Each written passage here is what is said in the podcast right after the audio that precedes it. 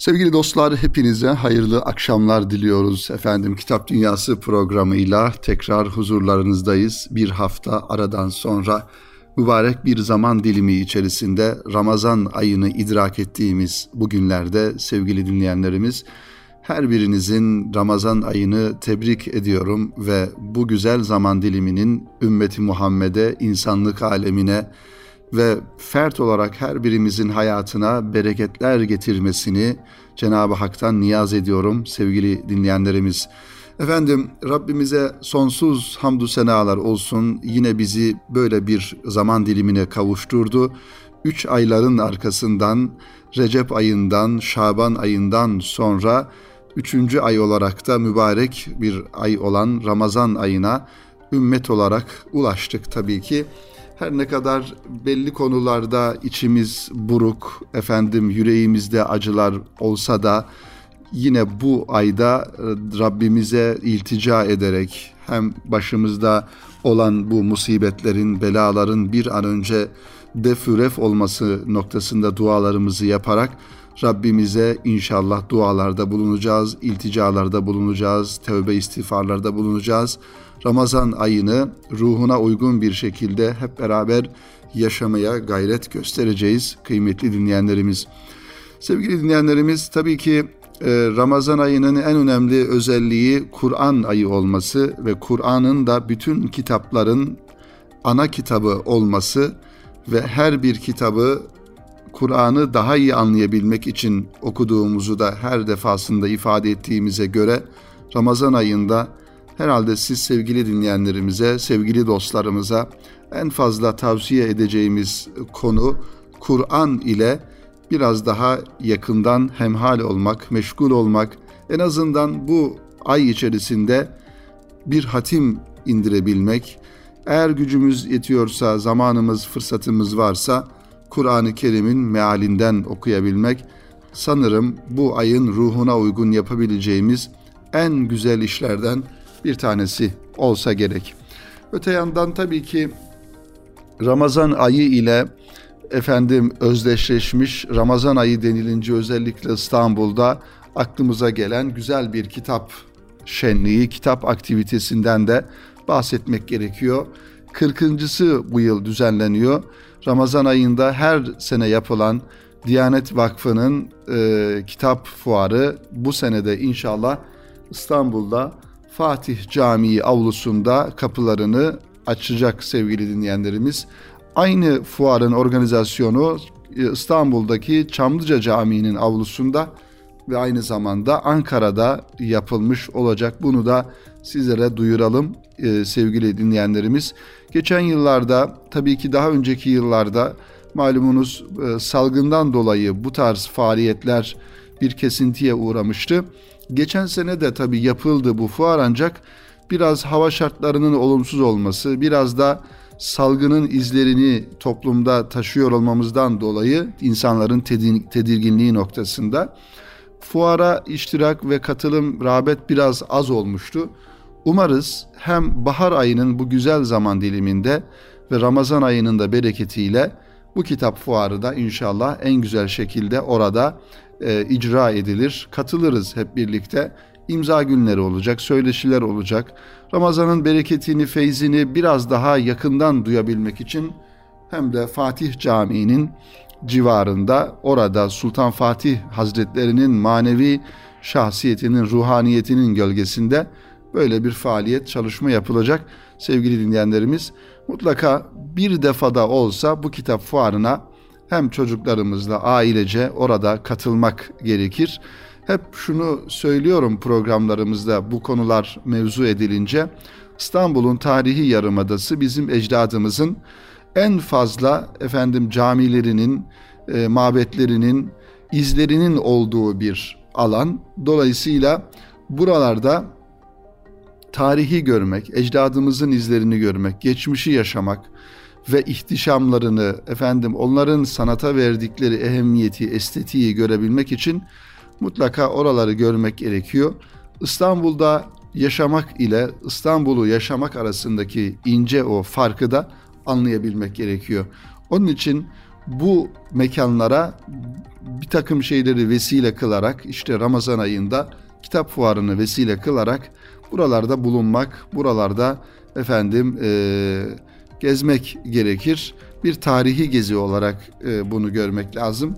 İnşallah sevgili dinleyenlerimiz kitap fuarını da bu düşünceyle orada e, idrak ederiz. Hep beraber kıymetli dinleyenlerimiz, sevgili dostlar. Efendim Okur dergimizin 30. sayısına şöyle beraber göz atalım programımızın bu dakikalarında. Okur dergisi gerçekten güzel bir kitap dergisi olarak hayatiyetini sürdürüyor. Emekler veriliyor, yazılar yazılıyor ve e, iki ayda bir inşallah sizlerin huzuruna çıkıyor. 30.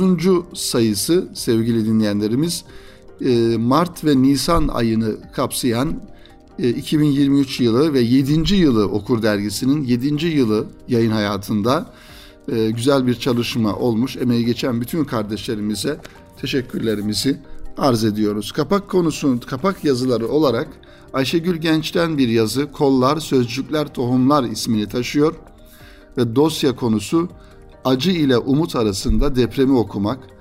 E, Ercan Yılmaz'ın müzayede notları başlığında bir yazıyı görüyoruz. Dosya konusu olarak güzel bir konuyu ele almışlar. Acı ile umut arasında depremi okumak her bir acının ya da her bir sevincin arkasından oluşturduğu bir edebiyat olduğunu ifade ediyoruz. E, toplum olarak ya da kitleler olarak yaşanılan e, kitleleri ilgilendiren olayların arkasından mutlaka zaman içerisinde bu olayların bir edebiyatı oluşuyor. Mutlaka e, bu depremle alakalı da kitaplar yazılacak, değerlendirmeler yapılacak, analizler yapılacak. Efendim e, meselenin hem e, duygusal boyutu, acıları e, yazılacak, belki sevinçleri yazılacak. Bu acının içerisinden çıkan sevinçler yazılacak ve bir taraftan da konunun e, teknik tarafları yeniden gözden geçirilmiş olacak kıymetli dinleyenler. Okur dergisinden ilk olarak Rabia Elif Ateş'in hazırladığı kitap haberleriyle devam edelim sevgili dinleyenlerimiz. 250 yılı aşkın tarihiyle bildiğimiz Rami Kışlası artık Rami Kütüphanesi olarak ilim ve kültür merkezi e, anlamında e, hizmet vermek için 13 Ocak 20 e, 2023 tarihinde kapılarını kütüphane olarak açtı. Rami Kışlası. Evet bu kitap haberi olarak e, Rabia Elif Ateş bunu bize duyuruyor. Bir hayat merkezi olarak tasarlanan kütüphanede 20'den fazla eser bulunduğu ve katlanarak artacağı düşünülüyor. Tabii ki oranın hacmi 20 e, bin değil belki yüz binlerce kitabı barındırabilecek boyutlarda. İlk etapta bu kadar kitap belki konulmuş olsa da ilerleyen zamanlarda mutlaka o kitapların sayısı artacak. Kütüphanede eserler Şifahane ismiyle oluşturulan bölümde restore ediliyor ve ciltlenmesi gereken bazı nadir eserler yeniden özüne döndürülüyor. Benzersiz bir işlevsellikle gelecek nesillere kazandırılan kütüphane İstanbul'un en büyük kütüphanesi olacak bir kütüphane. Biz de bu eseri İstanbul'a kazandıranları tebrik ediyor ve imkanı olan herkesi burayı ziyaret etmeye davet ediyoruz. İlk kitap haberimiz buydu. İkinci olarak Kahramanmaraş Edebiyat Ödülleri ile alakalı bir haber var. Kadim e, zamandan bugüne çok değerli şair ve yazarlar yetiştiren Kahramanmaraş'ta belediye tarafından çünkü sözümüz var sloganı ile uluslararası şiir ve edebiyat günlerinin bu yıl üçüncüsü düzenlendi. Program kapsamında Kahramanmaraş Edebiyat Ödülleri sahiplerine takdim edildi. Mehmet Akif Ersoy Kültür Merkezi'nde kapanış programı esnasında ödüller, saygı ödülü Mehmet Uğur Derman'a, düşünce ödülü Ömer Türker'e layık görülürken öykü ödülü de Necip Tosun'a takdim edildi. Gerçekten Kahramanmaraş sevgili dinleyenlerimiz kültür hayatımızda çok önemli bir yere sahip olan bir şehrimiz ancak depremden en çok etkilenen, en çok yıkımın olduğu ve birçok insanımızın e, vefat ettiği bir şehir. Umarız yeniden toparlanır ve yeniden eski günlerine kavuşur. Edebiyatla ilgili çalışmalar yeniden ayağa kalkar Çünkü Kahramanmaraş gerçekten verimli insanların, mümbit insanların edebiyat alanında yetiştiği güzel e, şehirlerimizden bir tanesi. Yine devam edelim sevgili dinleyenlerimiz. İzmir Büyükşehir Belediyesi ve Sahaflar Derneği ortaklığıyla İzmir'de Sahaflar Festivali düzenlendi. Tarihi hava gazı fabrikasında kitap ve dergilerin yanı sıra plak ve kasetlerin de bulunduğu 80 parça eser açık artırma usulüyle yeni sahiplerini buldu. İlk baskısı ve kitapların da ilk, ilk baskı ve kitapların da yer aldığı sergide Osmanlı Türkçesi kitaplar büyük ilgi gördü. Aynı zamanda festival kitap mezatı ile kapanışını yaptı zaman zaman hem İstanbul'da hem de farklı şehirlerde sahaf kitaplarına ilgi duyan insanların gerçekten büyük bir hazla gezdiği ve gördüğü eskiye özlem belki duymak bu bunun adı ancak e, kıymetli eserlerin de buralarda bulunabileceğini unutmamak lazım. E, ve bunun tabii ki e, farklı sosyal medya e, efendim sayfaları var, kanalları var. Oralarda duyurular yapılıyor. Gerçekten e, eski kitaplar ya da e, tarihi kitaplar e, sahaf olarak, olarak e, takdim edilen güzel nadir eserler e, bu efendim e, müzayedelerde, bu festivallerde yerini buluyor. Bunları da ilgilisi şüphesiz takip edecektir sevgili dinleyenlerimiz. Bir diğer kitap haberimiz Edebiyat, Sanat ve Kültür Araştırmaları Derneği'nin düzenlediği Eskader Kültür ve Sanat Ödülleri'nde geçtiğimiz yıl 24 alanda 27 kişi ve kurum ödüle layık görüldü. Titiz araştırma ve incelemelerden sonra tespit edilen ödüller 2023 Nisan ayında sahiplerine takdim edilecek. Biyografi alanında Ötüken Neşriyat'tan çıkan Mehmet Genç, bir alimin hayat ve ilim serencamı eseriyle Profesör Doktor Abdullah Mesut Küçük Kalay, kitap kültürü alanında da Türkiye'de liseler ve üniversiteler kapsamında büyük bir okuyucu kitlesi oluşturan Anadolu Mektebi ile Profesör Doktor Sami Güçlü ödüle layık görüldü. Onlar da 20 e, 2023 Nisan ayında Eskader'in yapmış olduğu bu ödül töreninde ödüllerini almış olacaklar. Sevgili dinleyenlerimiz tabii ki bu e, tarz çalışmalar, bu tarz efendim ödüllendirmeler hem bu çalışmaları yapan insanları motive ediyor hem de bu yolda ilerleyen, yazı hayatına başlayan, yazı heveslisi kardeşlerimizi, insanları, yazar adaylarını motive ediyor. E, marifet iltifata tabidir. O yüzden marifeti olan insanlara mutlaka iltifatlarda bulunmak gerekiyor ki onların o marifetleri biraz daha açığa çıksın, biraz daha artsın, biraz daha marifetlerini göstersinler. Dolayısıyla edebiyatçı olmak, yazar olmak, yazı yazmak da bir Allah'ın verdiği bir marifet, bir lütuf olduğuna göre o marifeti hem okuyucular olarak, okurlar olarak o yazarlarımızı okuyarak ödüllendirmeli hem de bir takım kurumlarda bu e, gibi insanları gö- görerek onlara e, zaman zaman bazı ödüller vererek onları motive etmeliler. İşte e, Eskader de bunu yapmış ve e, yapmaya devam ediyor sevgili dinleyenlerimiz. Yine başka bir ödül e, programı var. TUDEM Edebiyat Ödülleri'nin 2023 Mizah Romanı yarışması başlığıyla 21. yılında çocuk edebiyatı ve mizah romanı dalında düzenleneceği duyuruldu. TUDEM Edebiyat Ödülleri'nin. Yaptıkları çalışmalar ve yarışmalar ile çocuk ve gençlik alanında Türkçe yazınsal üretimi arttırmak ve alanda emek verenleri yüreklendirmek e, amaçlanıyor bu ödül töreninde.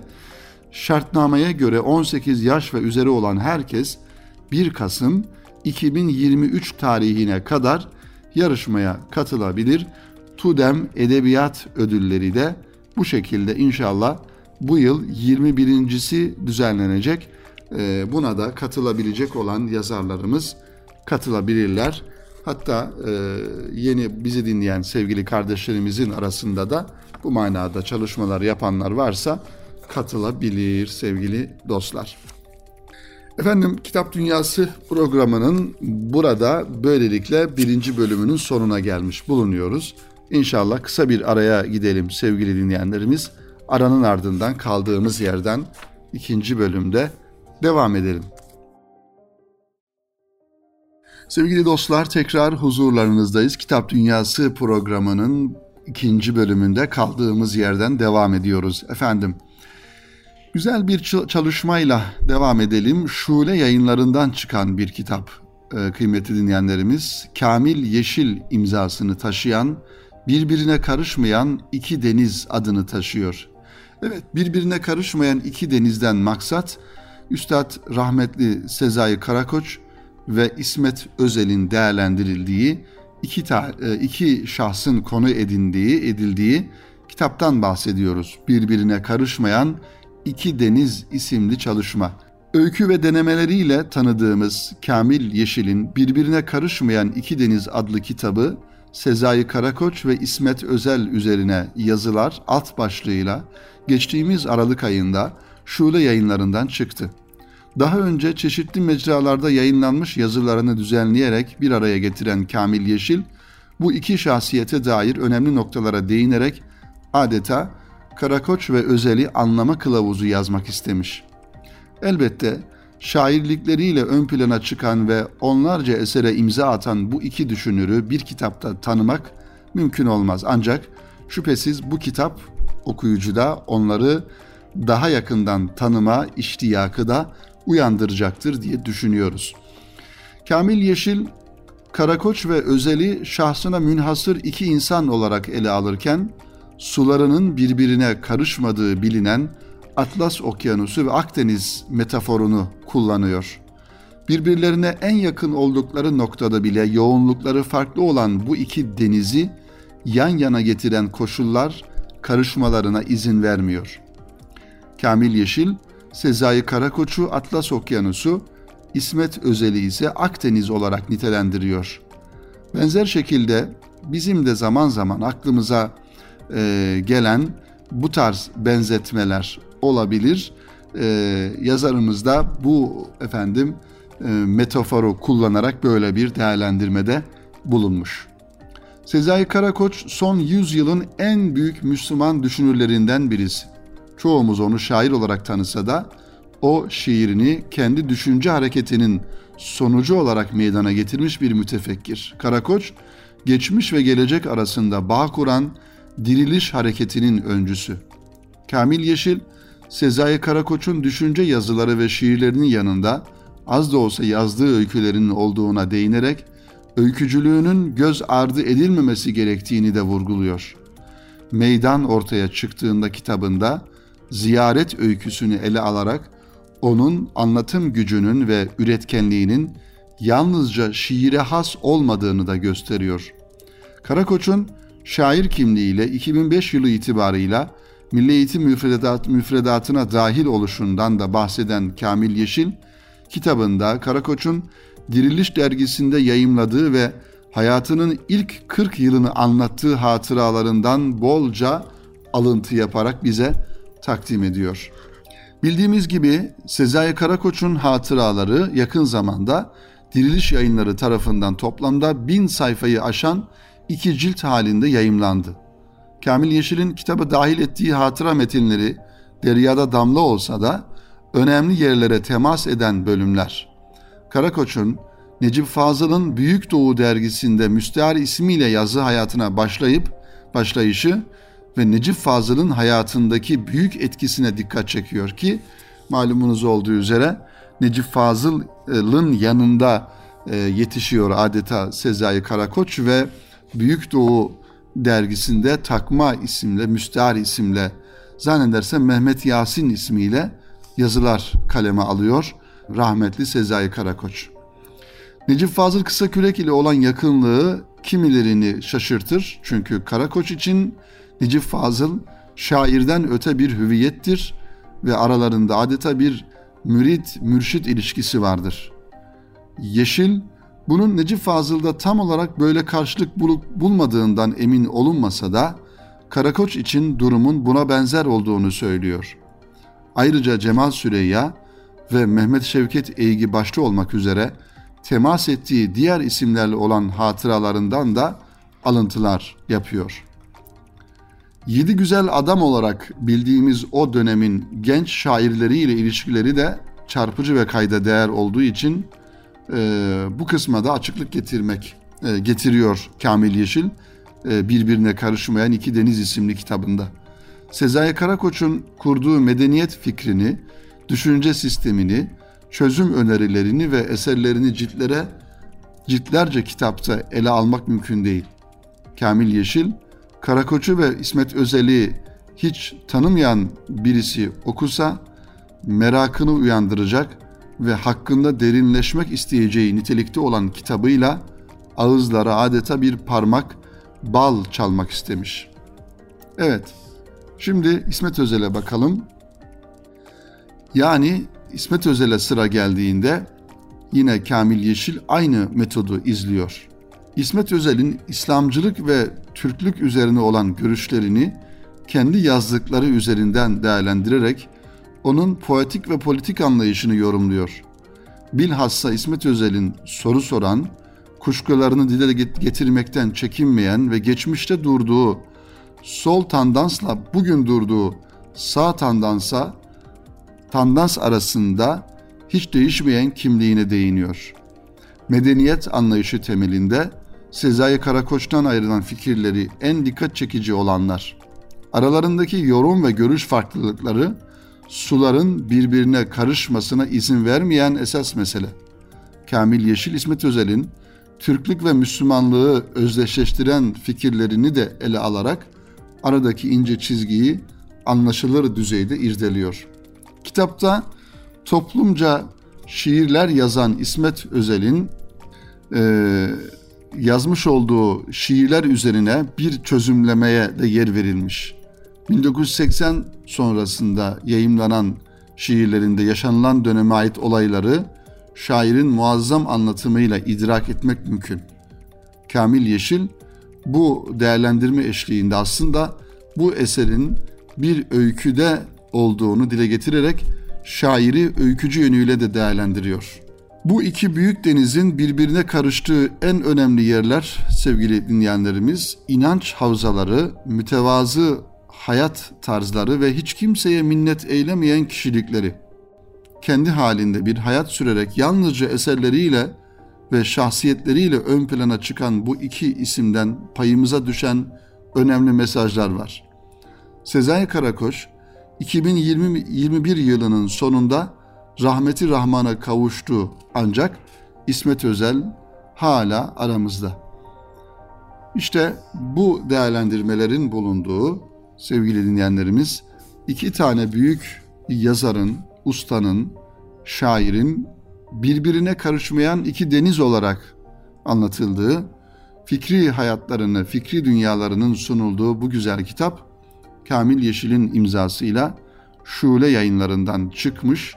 İnşallah ilgilisi olan kardeşlerimiz bu kitabı alır, okurlar kıymetli dinleyenlerimiz. Evet şöyle e, Okur dergimizin vitrine almış olduğu kitaplardan e, birkaçını zikredelim. Zaman zaman sayfaları arasına sonrasında da inşallah programımızı yavaş yavaş sonlandıralım sevgili dinleyenlerimiz. Bakalım şöyle hangi kitaplar var? Düşüncenin Mimarisi isimli kitap Nobel Akademik yayınlarından çıkmış. Serdar Toka imzasını taşıyor. 290 sayfa Düşüncenin Mimarisi. Bir diğer kitap Ağaçların Sevdiği Adam yabancı bir yazara ait Dedalos kitaptan çıkmış ve Pelin Ediş'in tercüme ettiği Algernon Blackwood e, imzasını taşıyan Ağaçların Sevdiği Adam bir roman. E, yine Oğuz Te- Tecime'nin tercüme ettiği kolektif kitaptan çıkan Yürümek Adım Adım isimli kitabı da Erling Kak yazmış. Böyle e, Okur Dergisi'nin sayfaları arasında e, sevgili dinleyenlerimiz e, bize sunulan bir e, bölümdü bu. Diğer bir kitaba geçelim. Ketebe yayınlarından Ahmet Murat imzasını taşıyan ince bir kitap 100 sayfadan oluşuyor. Taşı taşırmak ismini taşıyor. Bir cami inşa etmek gibi. Evet, Süleymaniye özelinde bir cami risalesi olan kitabı okuduktan sonra asla camiye eskisi gibi girip çıkamayacağımızı daha kitabı okumadan anladık. Evet, Ahmet Murat'ın Süleymaniye özelinde kaleme aldığı bir cami risalesi. Hayatımızda cami ve cemaatin ne kadar atıl durumda olduğunun farkındayız. Bu bize ait bir durum sevgili dinleyenler. Tabii ki cami ve cemaat ile hemhal olan değerli dinleyenlerimizi, sevgili dostlarımızı şüphesiz tenzih ederiz. Ancak şu bir vakıa ki toplumumuzda cami ve cemaatle çok yakından e, ilgili olmayan e, insan sayımız bir hayli fazla. Bu farkındalığın bizi bir yere götürdüğünü söyleyemeyiz. Camiye yalnızca namazın eve yetişemeyeceği durumlarda giriyor ve ekseriyetle söylenerek çıkıyoruz. Bazen cami ve cemaat adabını bilmeyişimiz, bazen caminin bakımsızlığı belki moralimizi bozuyor. Evet, kızdığımız konuyu bir arkadaşımızla paylaşmak dışında da bir şey yapmıyoruz. Bundan sonraki zorunlu cami ziyaretine kadar mesele bıraktığımız yerde duruyor. Hızın ve dünyevileşmenin bunda etkisi olduğu şüphesiz. Söz konusu İstanbul olduğunda bu hızı ikiye, ikiyle çarpmamız gerekiyor. Yani İstanbul'da e, insanlarımızın, insanımızın öyle bir hızlı akan hayatı var ki bu hızlı akan hayatın içerisinde durup şöyle bir nefeslenerek camiye zaman ayırmak gerektiğini de ifade etmek lazım. Şair ve yazar akademisyen Ahmet Murat'ın son deneme kitabı Taşı Taşırmak'a kurmaca bir e, metinle e, başlaması bizi şaşırtıyor. Süleymaniye özelinde bir cami risalesi olan kitabı okuduktan sonra artık camilere eskisi gibi bakmamamız gerektiğini de öğrenmiş oluyoruz. Cami mefhumunu mimari, felsefi, ruhsal ve daha çok bir yönüyle, daha birçok yönüyle ele alan yazar, önceki dönemlerinde olduğu gibi, e, denemelerde olduğu gibi, bu denemelerde de ufuk açıcı noktalara işaret ediyor. Caminin içi şeffaftır ve hayat doludur. Bu cümle zihnimizde AVM cami mukayesesi doğuruyor, istemeyerek de olsa. İkisi birbirinin muadili değil elbette fakat alışveriş merkezleri için kapitalizmin mabetleri denildiğini düşünürsek belki de o kadar yersiz değil. Birinde pencere olmaması ve insanı dış dünyadan koparması, diğerinde pencere olması ve hayat dolu olduğu iddiası da bu mukayeseyi haklı kılıyor veya mecbur kılıyor. Evet, Ahmet Murat'ın sevgili dinleyenlerimiz bir cami risalesi olarak Süleymaniye Camii özelinde kaleme almış olduğu e, Taşı Taşırmak isimli kitapta belki Süleyman, Süleymaniye Camisi'ni daha iyi anlayabilmek, daha camiyi daha doğrusu daha iyi anlayabilmek için okunması gereken güzel kitaplardan bir tanesi sevgili dinleyenlerimiz.